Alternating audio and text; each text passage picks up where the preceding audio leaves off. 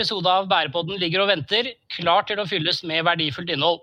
Dette er nummer seks i rekken av podkast-episoder fra Footstep om broen mellom digitalisering og bærekraft. Og Sigurd, vi ser at temaet fenger mange. Absolutt, Håkon. Eh, vi ser at vi blir stadig flere lyttere. Og det som gleder oss ekstra, er jo at mange av de som får tips om oss, eller finner oss ved tilfeldigheter, også begynner å høre på de gamle episodene. Og selv om mange vil hevde at eh, vi har jo sjølinsekt som en pakke med mariekjeks, så eh, tenker vi at dette må jo bety at man, at man liker det man hører. Eh, men kom gjerne med tilbakemeldinger, innspill på hva man ønsker å høre mer om eller annerledes. Gå inn på Soundcloud, iTunes, footstep.no, LinkedIn. og Episodene finnes selvfølgelig også da på Spotify, men, men, men, der får man ikke kommentert. Men uansett, lik del og kom med tilbakemeldinger. Um, nok om det. I dag skal vi snakke om uh, den digitale transformasjonen av velferdsstaten. Og det har vel altså det sjeldent vært mer aktuelt enn i disse dager. Mange offentlige etater har uh, fått alvor uh, fått opp den digitale dampen de siste årene, og flere og flere erkjenner at digitalisering treffer midt i kjernen av samfunnsoppdraget, og er en grunnleggende forutsetning for å kunne gi brukerne de tjenestene man forventer i 2020. De ulike eh, offentlige etatene har jo da valgt ulike strategier for hvordan de skal møtekomme disse behovene, mm, og med varierende suksess, vil vi jo kunne si. Men en av de som har hatt suksess med sin tilnærming, det er din gamle arbeidsgiver, Håkon? Stemmer det, Sigurd. Jeg har jobbet mange år i Nav ITs transformasjonsteam og kjenner denne etaten godt fra innsiden. Og jeg har sett hvordan Nav IT gikk fra å være et utskjelt IT-miljø preget av kriser og medieslakt, til å få bred anerkjennelse for sin strategi med å bygge opp egen utvikler- og designkapasitet og satse på autonome tverrfaglige team. Og et aktuelt eksempel akkurat nå er hvordan Nav midt i koronakrisen snudde seg rundt på en femøring og på rekordtid utviklet ny løsning for å imøtegå et rekordhøyt antall dagpengesøknader. Hvilke grep Nav har gjort for å nå en tilstand der dette er mulig, det skal vi lære mer om i dag. For med oss i studio har vi en av de mest sentrale personene i denne endringsreisen, nemlig IT-direktør Jonas Slørdal Skjerpe. Og bare for å sagt det med en gang, Jeg jobbet tett sammen med Jonas under tiden min i Nav og kan skrive under på at dette er en veldig veldig bra mann. Sigurd, alle har en mening om Nav, men det er ikke hver dag vi får bli med på innsiden av Norges største etat. Nei, det har du rett i, Håkon. Og jeg, jeg, jeg, skjønner jo at du har gledet deg stort til dette her. Og, og, dette her er en veldig spesiell episode for deg, for det er, det er første gang du har på deg skjorte under en podkastinnspilling, altså. Um, fint skal det være. Dette blir veldig spennende. Uh, vi snakker altså om en etat som rår over en tredjedel av statsbudsjettet, og som derfor har en enorm påvirkningskraft på omgivelsene. Eh, Nav leverer tjenester fra vugge til grav som de fleste av oss vil komme borti, eh, enten vi liker det eller ikke. Eh, så jeg må si, jeg gleder meg til å høre på den endringsreisen som Nav har vært igjennom. Og jeg tror det kan være nyttig og lærerikt for de fleste av oss. Så vi skal straks slippe til, slippe til Jonas her, men aller først, her er litt footfacts. Hei, Ida Gram fra Footstep her. Hele folket i arbeid het det en gang i tiden. I disse dager må det sies å være en sannhet med modifikasjoner, hvor drøyt 10% av arbeidsstyrken i Norge er registrert som helt ledige. Det er den høyeste ledigheten siden andre verdenskrig. Arbeidet med å sikre sysselsetting og inntekt er mer aktuelt enn noen gang i disse koronatider, med 95% økning i ledigheten og drøyt 140 000 flere personer med behov for inntektssikring fra Nav. I tillegg kommer alle som pga. skade, sykdom eller lyte er avhengige av Nav for å ha noe å leve av. FNs bærekraftsmål nummer åtte er å fremme varig, inkluderende og bærekraftig økonomisk vekst, full sysselsetting og anstendig arbeid for alle. Det er et stort mål, med flere delmål som må oppfylles for at det skal bli en realitet. I norsk kontekst fremstår ikke minst delmål fem og seks som svært relevante. Delmål 5 handler om at innen 2030 skal det oppnås full og produktiv sysselsetting og anstendig arbeid også blant ungdom og personer med nedsatt funksjonsevne. Delmål 6 handler om å betydelig redusere andelen unge som verken er i arbeid eller under utdanning eller opplæring. Og der er fristen allerede utløpt. Disse målene krever stor innsats i et arbeidsliv som blir mer og mer globalisert, mer og mer kompetansekrevende, og hvor teknologien gir mange muligheter, men også mange utfordringer. Dagens tema er digital transformasjon av velferdsstaten, og hvordan Nav arbeider med å utvikle digitale tjenester til en svært sammensatt brukergruppe. Både de som leter etter arbeid, de som leter etter noen å ansette, og de som av ulike årsaker ikke kan arbeide. Hvordan arbeider Nav med å imøtegå alle disse ulike behovene? Og hvordan bruker de de enorme datamengdene de sitter med, til å utvikle bedre, billigere og mer treffsikre tjenester? Det skal vi få høre mer om i dag. Tusen takk til Ida Gram for ettertenksomme ord om bærekraftsball 8 der, altså. Da skal vi endelig slippe til Jonas Lørdal Skjerpe. Aller først, hjertelig velkommen til Bærepodden, Jonas. Tusen takk. La oss starte med litt om deg. Kan ikke du fortelle hvem du er, og hvordan du havnet i Nav? Jo, eh, jeg er fra Trondheim, som dere kanskje hører. 41 år, bor på Grønland i, Oslo og har en bakgrunn fra eh, ja, vært i IT-bransjen siden 2004, utdanna sivilingeniør. Og har vært i, egentlig stort sett i bank og forsikring Eh, før jeg starta offentlig sektor i, i, for første gang i Nav i 2017. Da.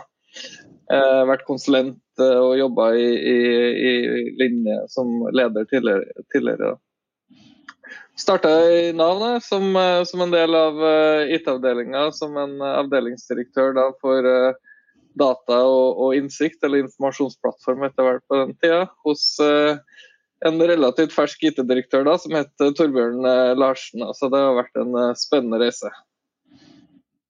Si, litt av grunnen til at jeg starta i Nav, var jo at eh,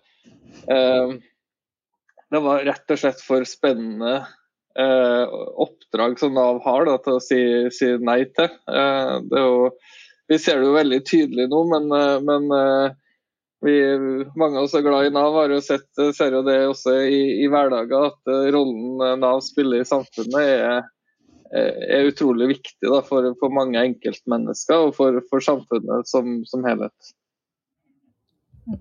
Mm. Koronakrisen har på noen uker sendt flere hundre tusen nordmenn ut i arbeidsledighet. Folk er fortvila, og mange sliter med å betale regningene sine. Og mengden dagpengesøknader som har kommet inn til Nav, har eksplodert uten at eh, systemene nødvendigvis var rigget for å ta imot et så voldsomt volum. Men det stoppet ikke dere i Nav, Jonas. Fortell. Nei, altså, eh, Først jeg vil si at, eh, at det er spørsmålet var vi rigga til å håndtere den krisen her. Og, og da tror jeg på en måte det ene svaret at jeg, jeg, tror ikke skattebetalerne i Norge ville akseptert et NAS var rigga for en eh, mangedobling av, av volumene. Det har rett og slett vært for dyrt og, og, på en måte vært klart en sånn type katastrofe på ethvert eh, tidspunkt. Um, men, men, hvis vi på en måte smaker litt på det å være rigga, så, så, kan vi jo være rigga på en annen måte. og, og, og det har jo vist seg at vi var ganske godt rigga likevel til å håndtere krisene de først uh, traff. Uh, og Det handler jo ikke om at, at alt gikk på skinner uh, fra 12.-13. mars, når regjeringa kom med de her tiltakene som, som førte til at, at permitteringer og dagpengesøknader gikk i taket. men at vi klarte å gjør de nødvendige tilpasningene underveis for å tilpasse situasjonen. situasjonen. Jeg tenker at En organisasjon eh, vil enten kollapse eller vise, komme styrka ut av en sånn eh, situasjon som vi, vi, kom i. Eh, og at, at, vi har Jeg føler at Nav har vist da, at selv om vi ikke var rigga til denne situasjonen, ikke var forberedt til denne situasjonen, så har vi klart å håndtere det på en veldig god måte Um, og jeg har sett det her fra innsida, og, og um, det, det, er klart Vi var jo ikke sikre på hva som kom til å skje når det her eksploderte. Uh, og vi sitter jo i en situasjon nå der vi er mye mer komfortable med situasjonen fordi at vi har klart å håndtere det uh, hittil. Mm. Men eh, hvordan vil du si at, at, denne krisen har påvirket eh, Nav som organisasjon? Eh, vil det være annerledes f.eks. Hvis, hvis man får en ny krise gjennom et, om et år eller to? Ja, jeg tror ikke vi er helt sikre på hvordan det har påvirka oss uh, hittil. Men jeg, kan si noen sånne korte Gi noen korte innblikk i, i, i Nav da, på innsida uh, når det mm. smalt. Um, for det første som skjedde, var jo at vi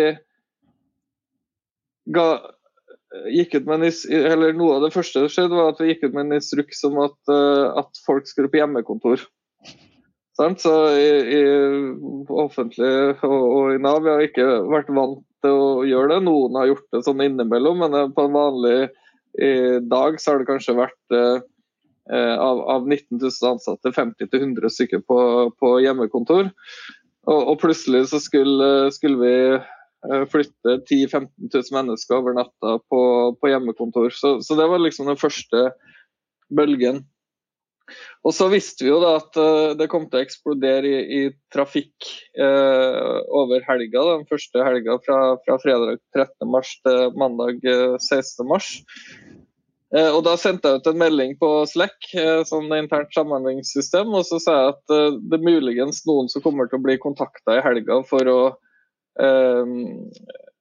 jobbe frem ideer og gjøre systemtilpasninger for å avhjelpe det trykket som kommer førstelinja. Eh, så tenkte jeg ikke noe mer på det utover kvelden, for jeg fant ut at det satt 300 mennesker på uh, ulike videokonferansesystemer på, på, IT og andre plasser i direktoratet, som drev med en sånn selvorganisert uh, workshop på hvordan skulle vi gjøre tilpasning av systemene våre for å håndtere den situasjonen. Så, så den liksom ønsket fra hele organisasjonen til å bidra uh, i den krisa var, var enormt stort. da. Mm. Og så Den tredje da, bølgen da, var det som traff oss da den søndagen og mandagen. da eh, trafikken på sidene våre gikk i taket. Eh, og, da, og, da, kan man sammenligne med at man tidobler trafikken i et, eh, et veinett. Eh, og, og, da vet man på en måte ikke hvilke lyskryss eller rundkjøringer som vil føre til flaskehalser i systemet. Men man er ganske, sikker på at det vil komme sånne flaskehalser. Så det var vi jo masse folk som da identifiserte flaskehalser, rydda opp i det, sånn at vi, vi håndterte drifta fra mandag tirsdag helt som normalt. Da. Så det var på en måte en, en krise som inntraff veldig raskt, men som vi ganske raskt også fikk over en normalsituasjon. Mm. Men eh, hvilken type lederskap eh, tenker du trengs i en sånn type krisesituasjon som, som eh, den vi er i? Eh, både for å håndtere den store usikkerheten, men, men eh, også for å stake ut veien og for å se på nye muligheter og løsninger. Ja, eh, det der syns jeg også er veldig interessant. Jeg er på ingen måte ferdig med å reflektere rundt det. Det er ingen tvil om at i en krisesituasjon så, så, så blir det naturligvis litt mer sånn command and control-linje. Mm. Du må ha veldig kort vei fra problem til eh, løsning. Eh, men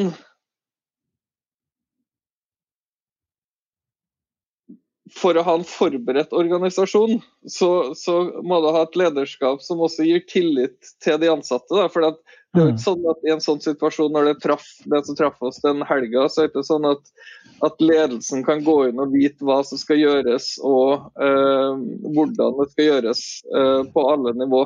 Da er du avhengig av at du har kompetente medarbeidere som er eh, beredt og villig til å ta beslutninger på ulike nivå og, og, og, og fikse problem rimelig raskt. Så jeg tror det er helt avgjørende i en sånn krisesituasjon at du, du har en organisasjon som, eh, som, eh, du har tillit til, og du kan ha tillit til, og som agerer på en måte rimelig eh, selvstendig. Eh, ja. Mm. Og, ja, sånn som du nevnte nå, nå da, at, at eh, gutta på gulvet hadde allerede begynt eh, jobben som, som, som du, du eh, ja. Ikke sant. Veldig bra. Veldig spennende. Når vi først er inne på ledersporet, Jonas. For noen dager siden ble det klart at skattedirektør Hans Christian Holte overtar som ny Nav-direktør. Gratulerer med ny sjef. Hva, hva tenker du om det? Jo, jeg må jo si at jeg føler meg veldig heldig som har hatt eh, For det første så har jeg hatt Torbjørn Larsen som sjef i, i førsteåret mitt i, i, Nav, som en eh, veldig kompetent og visjonær eh, IT-direktør. Eh, og så har jeg hatt eh, en av Norges eh, absolutt beste toppledere i Sigrun Vågeng, og har det fortsatt. og er veldig takknemlig for det. Og jeg kjenner ikke Hans Christian Holte godt personlig, eller, så jeg har møtt ham et par anledninger. men jeg Eh, jeg oppfatter at han er i liksom, toppsjiktet av uh, toppledere i, i, offentlig sektor. Så jeg er veldig fornøyd med og, og takknemlig for at han ønsker å ta et sånt uh, oppdrag. Da. Jeg er helt sikker på at det kommer til å gå helt fint. Mm.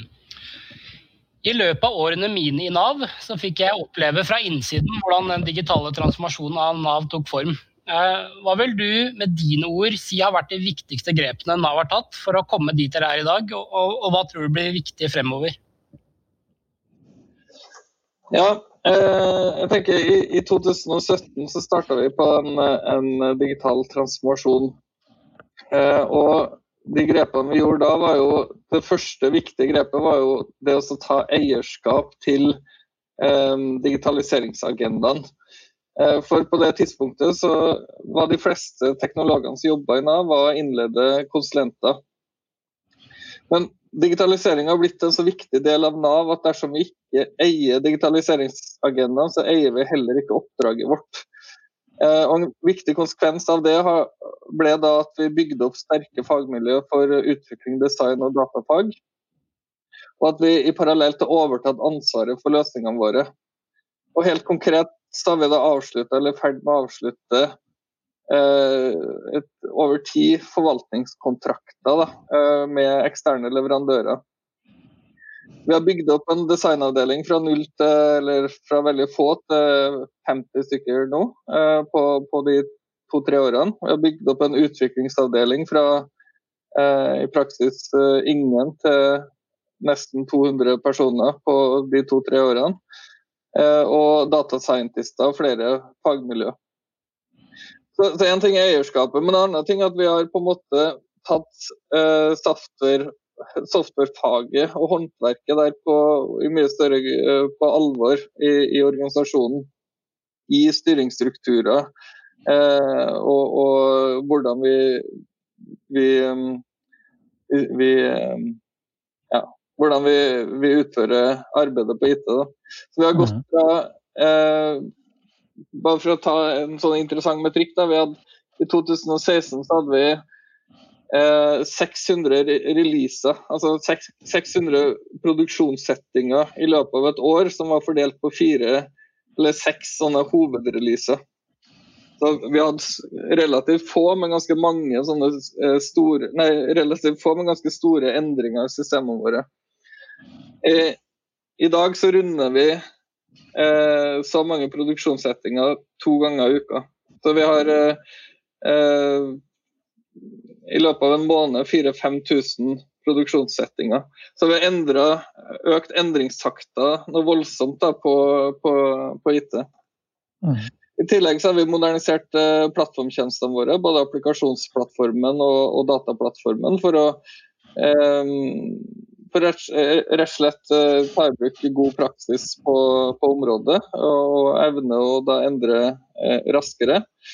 Vi har endra måten vi gjennomfører digitalisering på. Vi har gått fra de her store prosjektene til å, å drive med kontinuerlig produktutvikling som, uh, som skjer i produktteam.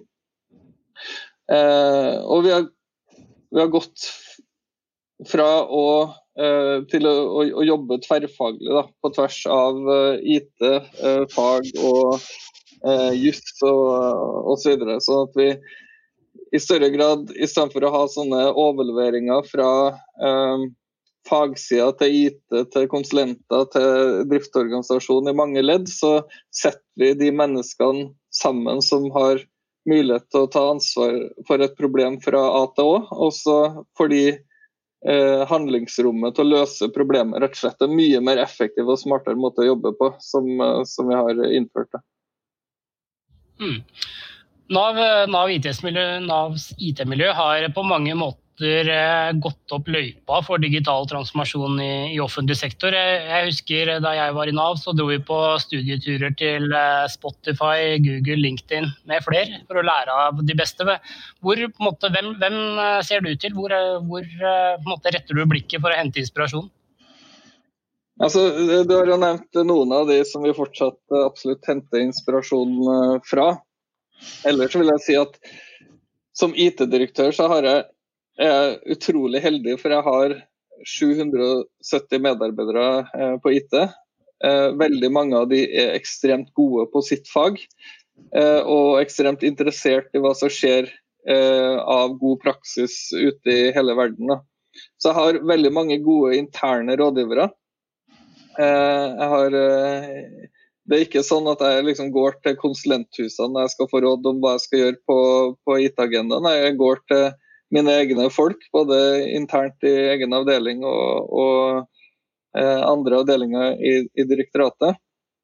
Um, og, og, siden de er påkobla alt det, det, som skjer, eh, så, så, føler jeg at vi har en um, veldig læringskultur i organisasjonen som, eh, som Eh, går hele veien eh, fra mm. topp Spennende. Eh, mange som har jobbet i, det offentlige med, med utvikling av IT-tjenester, har jo også erfart at finansiering til nye store initiativer og endringer ofte har kommet gjennom eh, prosjektfinansiering og, og ikke gjennom årlige bevilgninger. Og sånn som du snakker om, da, hvor Nav har, har, har gått fra de store IT-prosjektene til at det blir mer eh, produktutvikling med eh, små autonome eh, og tverrfaglige team. Eh, men hvordan har dere klart å sikre finansieringen til, til, eh, til disse endringene? Eh, for, igjen når dere skal gjøre da, større endringer på systemer og, og, prosesser? Ja, Det er flere svar på det. Da. men Det ene er jo at det er klart at, at vi har et, et, driftsbudsjett i Nav på, på 12 milliarder kroner ca. En, en, god del av de pengene brukes på en eller annen måte til digitalisering. Eh, 2-2,5 milliard eh, kroner. Så klart Vi har et ganske stort handlingsrom internt i Nav til å drive med eh, IT på en eller annen måte. Eh, vi tror jo ikke lenger på, på, på det som har på en måte vært måten vi har jobba på, som jeg ser det jobbes uh, flere andre plasser i offentlig sektor fremdeles, det at uh, du skal drive med utvikling i prosjekt, og så skal du legge mm. ting dødt i stabilt sideleie i forvaltning etter det ferdig utvikla. Det er en, en, håpløs måte å jobbe på. fordi at da, da, skal du liksom ha tenkt gjennom alle de gode ideene før du starter. Uh, og når du begynner å få læring, og når du begynner å få data og feedback fra brukerne, om hvordan produktet eller tjenesten virker, ja, da har du lagt ned prosjektet, og da slutter du på en måte å forbedre det. Så, så vi, vi, er opptatt av at det aller, aller meste av utviklingsarbeid skal foregå som en del av på en måte den kontinuerlige utviklinga av etaten, av tjenestene våre. Eh, og Dermed så ønsker vi ikke å ha de her prosjektriggene som, eh, som eh, kommer opp og, og, legges ned med jevne mellomrom. Når det er sagt, da, så har vi en systemportefølje, og det har vi jo merka i den koronakrisa også, som er delvis 40 år gammel. Der vi har ekstrem ja, så vi har en, en ganske mange system, ganske stor del av infrastrukturen vår som, som egentlig er underinvestert i over mange mange år. Eh, og, og, Der må vi også løfte oss ut av de. Eh, og da må vi også eh, til en viss grad gå og be om tilleggsfinansiering for de, men, men, det betyr ikke at vi skal rigge opp de samme type prosjektene, men at vi skal prøve da, å, å la tverrfaglige team og produktområder som er liksom vårt overbygg på de tverrfaglige teamene, eh, håndtere det, den, eh, det arbeidet som en del av mm. Eh, ja, måten man jobber på. Mm. Mm. Vi har også hørt eh, Nav snakke varmt om, om, digitale og selvbetjente løsninger. Eh, men hva med brukere uten digitale ferdigheter? Eh, F.eks. også mennesker med kognitive utfordringer, psykiske problemer. Hvordan tenker Nav å, ta vare på disse menneskene i en digital tidsalder? Hvordan sikrer vi at behovene til disse brukergruppene blir ivaretatt? Ja, For det første vil jeg si at, at det er ikke på en måte sånn at det er noen som har stempla ikke-digitale brukere i, i, i panna. Eh, en del av de som syns det har vært vanskelig å bruke eh, løsningene til Nav eh, eller andre offentlige etater sine tjenester, er jo fordi at tjenestene har vært vanskelig å bruke. Eh, er jo rimelig IT-kompetent sjøl, men eh, den foreldrepengeløsninga jeg ble eksponert for når jeg søkte på mitt første barn, den, det, det, var ikke, det, var ikke, den digitale ferdighetene som var utfordringa, det, det, var jo på en måte at tjenesten var laga utrolig tungvint.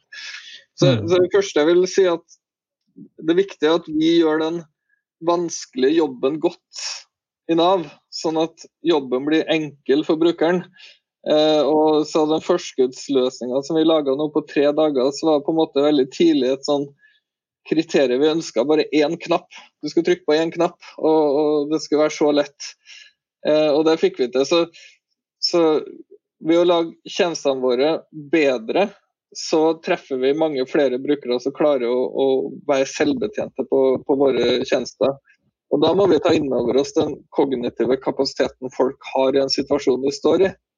Og da mm. har du et alvorlig sykt barn, så er liksom evnen din til å sette deg inn i kompliserte tjenester eller kompliserte lovverk mye mindre enn hvis du er i en helt vanlig situasjon. og Det, det er noe som vi spesielt i Nav må tenke på. At brukerne våre, i hvert fall på en del av tjenestene våre, de, de er i en livskrise. Eh, og da er mm. kravet til eh, brukervennlighet på tjenestene våre mye høyere enn hvis man eh, er en eh, selvstendig næringsdrivende og alt går bra og, og, og liksom er mer i en profesjonell setting.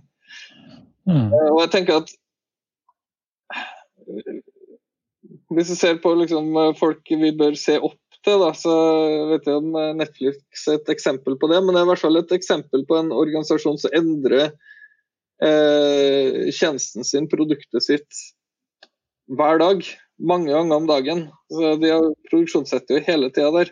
Men det er aldri sånn at du går inn på Netflix og tenker oh shit, det her var vanskelig, nå skjønner jeg ingenting, nå er det helt ny løsning osv. Det blir bare på en måte mer og mer intuitivt og enkelt å forstå. Eh, og, og, det må jo være målet med våre løsninger også.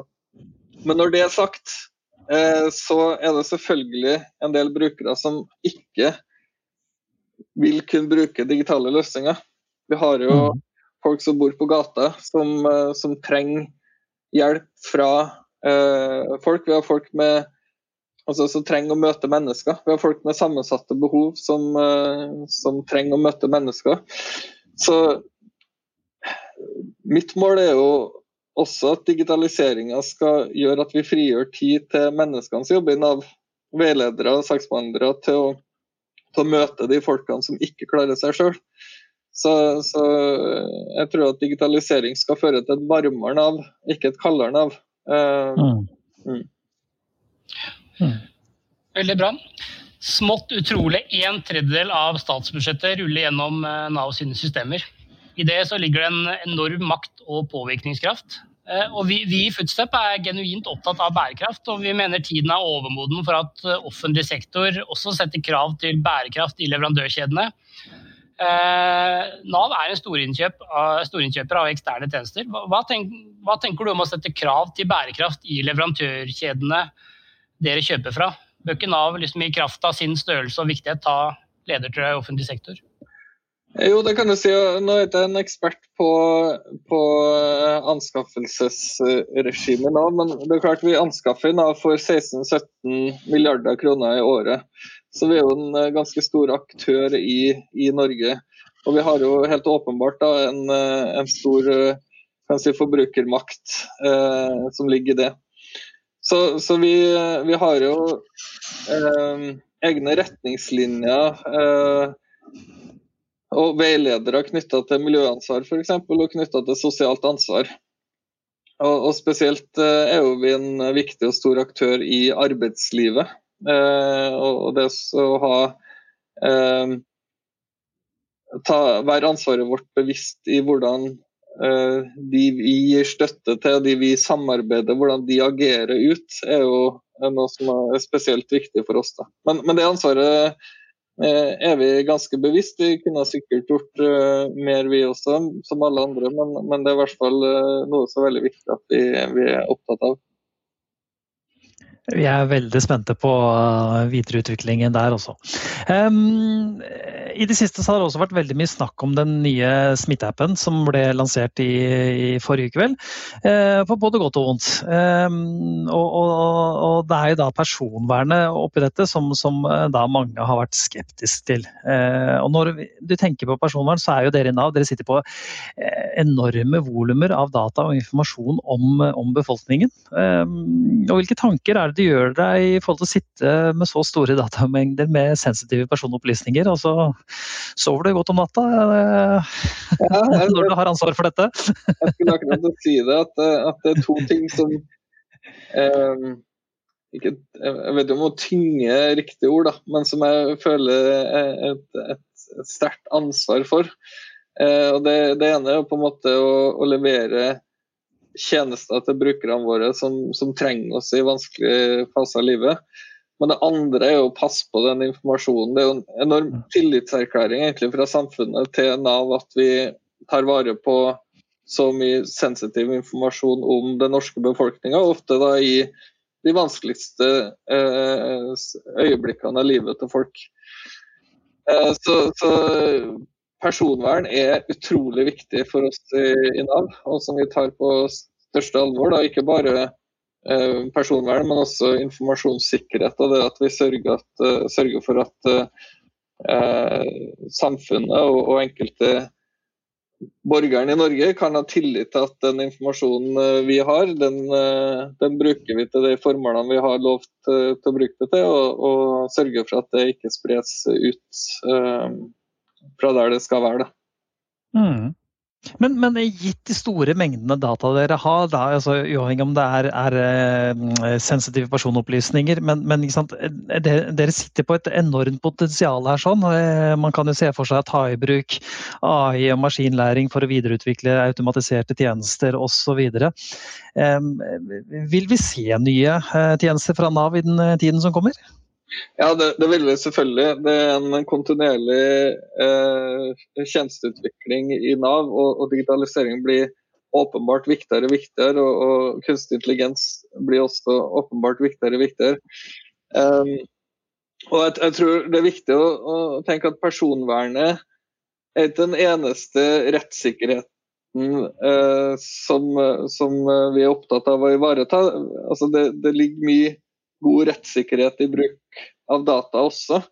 Eh, fordi at kan vi gi god informasjon og presis og tilpassa informasjon til en enkelt om hva som er riktig akkurat i deres situasjon, eh, hva vi har erfart at eh, lignende eh, situasjoner, hva som har hjulpet i lignende situasjoner, så, så tar vi vare på de, de, også de mer sårbare gruppene på en mye bedre måte. Eh, sånn at jeg, jeg tror at eh, det at Nav blir mer datadrevet fremover, det er helt åpenbart. At det ligger utrolig mye potensial i den dataen vi har, er helt åpenbart. Og at tjenestene våre blir smartere og smartere, og må bli smartere og smartere, det er også helt åpenbart. Men i det så er det selvfølgelig avgjørende at vi tar vare på personvernet. At det skal være, eh, folk skal være trygge på at vi gjør det på en ordentlig måte, og at det er transparent at vi er transparente i forhold til hva vi gjør. da. Mm. Eh, det her må jo være under demokratisk kontroll, eh, og, og, det er det jo bare hvis vi er transparente om hva vi gjør. Mm. Tiden flyr i godt selskap, Jonas, og vi nærmer oss slutten her. Men, men, avslutningsvis, og dette spørsmålet stiller vi alle våre gjester. Hvem mener du ligger lengst fremme i Norge når det gjelder å se digitalisering og bærekraft i sammenheng? Hvem, hvem mener du fortjener en liten virtuell blomsterbukett, og hvorfor? Det, det, um, jeg har jo hørt dere har stilt det spørsmålet tidligere. Um, jeg har prøvd å tenke jeg, jeg vet ikke om jeg har noen gode svar, men jeg, jeg vil uh, og der blir litt mer som personlig enn som IT-direktør. Jeg vil jo slå et slag for de, um, de digitale løsningene, de appene som, uh, som virkelig uh, som jeg oppfatter som de, de, mest positive elementene i delingsøkonomien. Uh, too good to go, f.eks. Uh, nabohjelp, uh, kanskje, selv om jeg ikke kjenner den så godt, og nabobil osv. Som, som da gjør at det er enklere å dele ressurser i, i, i fellesskap. Uh, og så da tar jeg og ikke nødvendigvis inkludere de delingsøkonomiløsningene som kanskje i større grad utnytter arbeidskraft. Eh, ja, bare for det sagt. For, for mm. Nav-ansatt og ledere i Nav så er jeg opptatt av eh, et arbeidsliv som er godt regulert også. Mm. Det har vært en uh, fryd å høre på deg, Jonas. Uh, men det var alt vi rakk for denne gang. Navs digitale reise er utvilsomt noe som fortjener applaus, og noe mange kan lære av. Tusen takk til deg, Jonas. Keep up the good work. Og for alle dere som er usikre på hvordan dere skal gripe an digitaliseringsarbeidet, se til Nav. Det er nesten, du, Håkon, det er, det er, nesten så jeg lurer på hvorfor du slutta, vet du. Ja, ikke sant.